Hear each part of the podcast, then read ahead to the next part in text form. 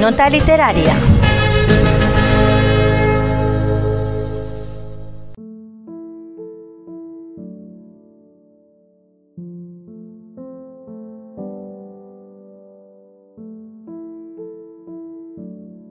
Hola amigos. Abrir la reseña con la muerte reciente de un autor es algo complicado. Perder a un escritor es perder una visión importante del mundo. Lo que nos rodea afecta de manera directa o indirecta en las personas que plasmamos sobre el papel nuestras emociones, vivencias o simplemente la imaginación creada en nuestra cabeza. Significa que nunca más tendremos la oportunidad de ver uno de sus nuevos trabajos, saber el título de su nuevo libro o simplemente observar la portada con total detenimiento. Pero nos queda aprovechar el pasado, releer uno de sus libros o alguno de ellos que todavía no hayamos leído. Es lo verdaderamente bonito de este gremio, que las letras, por mucho que pase el tiempo, será difícil de borrarlas. La noticia de la muerte de Carlos Ruiz Zafón ha sido dura e inesperada.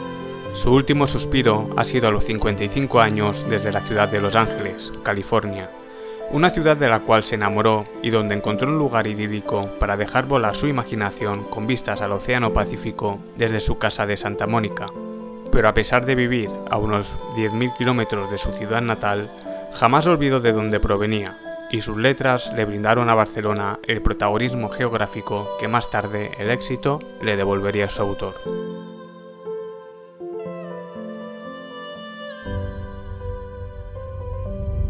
Carlos Ruiz Zafón ha sido el escritor que más vende nuestra lengua en el mundo, y dio el salto a la literatura para adultos con La sombra del viento, libro presentado al Premio Planeta, que no ganó, pero que Terence Moix, que formaba parte del jurado, defendió la idea de publicarlo. Con él empezó la tetralogía de El cementerio de los libros olvidados, todos bajo el sello de la editorial Planeta, aunque sus libros de lectura juvenil los firmaba con EDB, la energía y calidad de sus trabajos le proporcionaron numerosos premios, tanto nacionales como internacionales. Pero para mí el mejor premio que uno puede tener es el reconocimiento de otros escritores, y quizá uno de los grandes elogios le llegó de ni más ni menos que de Stephen King.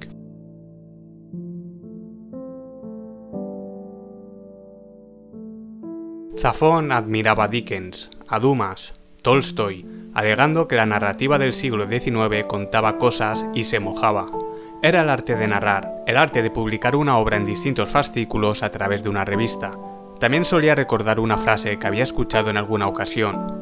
Un buen escritor copia y los grandes roban. Carlos acumulaba libros, los devoraba, es lo que suelen hacer los buenos escritores, Además de escritor, también era un buen cinéfilo y mitómano, por eso la aventura de la vida le arrastró hasta la costa oeste de Estados Unidos, la meca del cine. Michael Connelly, un escritor americano que basa los libros del detective Harry Bosch en la ciudad angelina, era nombrado constantemente por Zafón en sus entrevistas.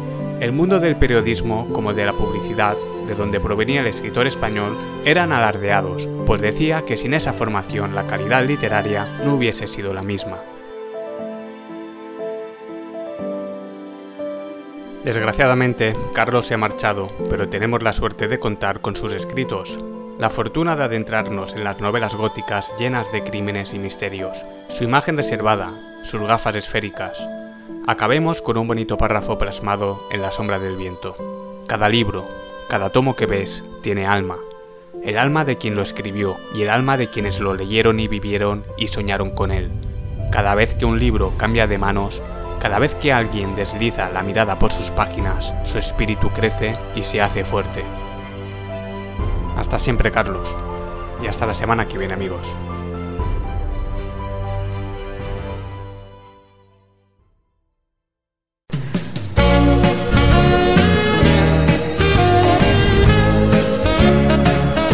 Nota literaria.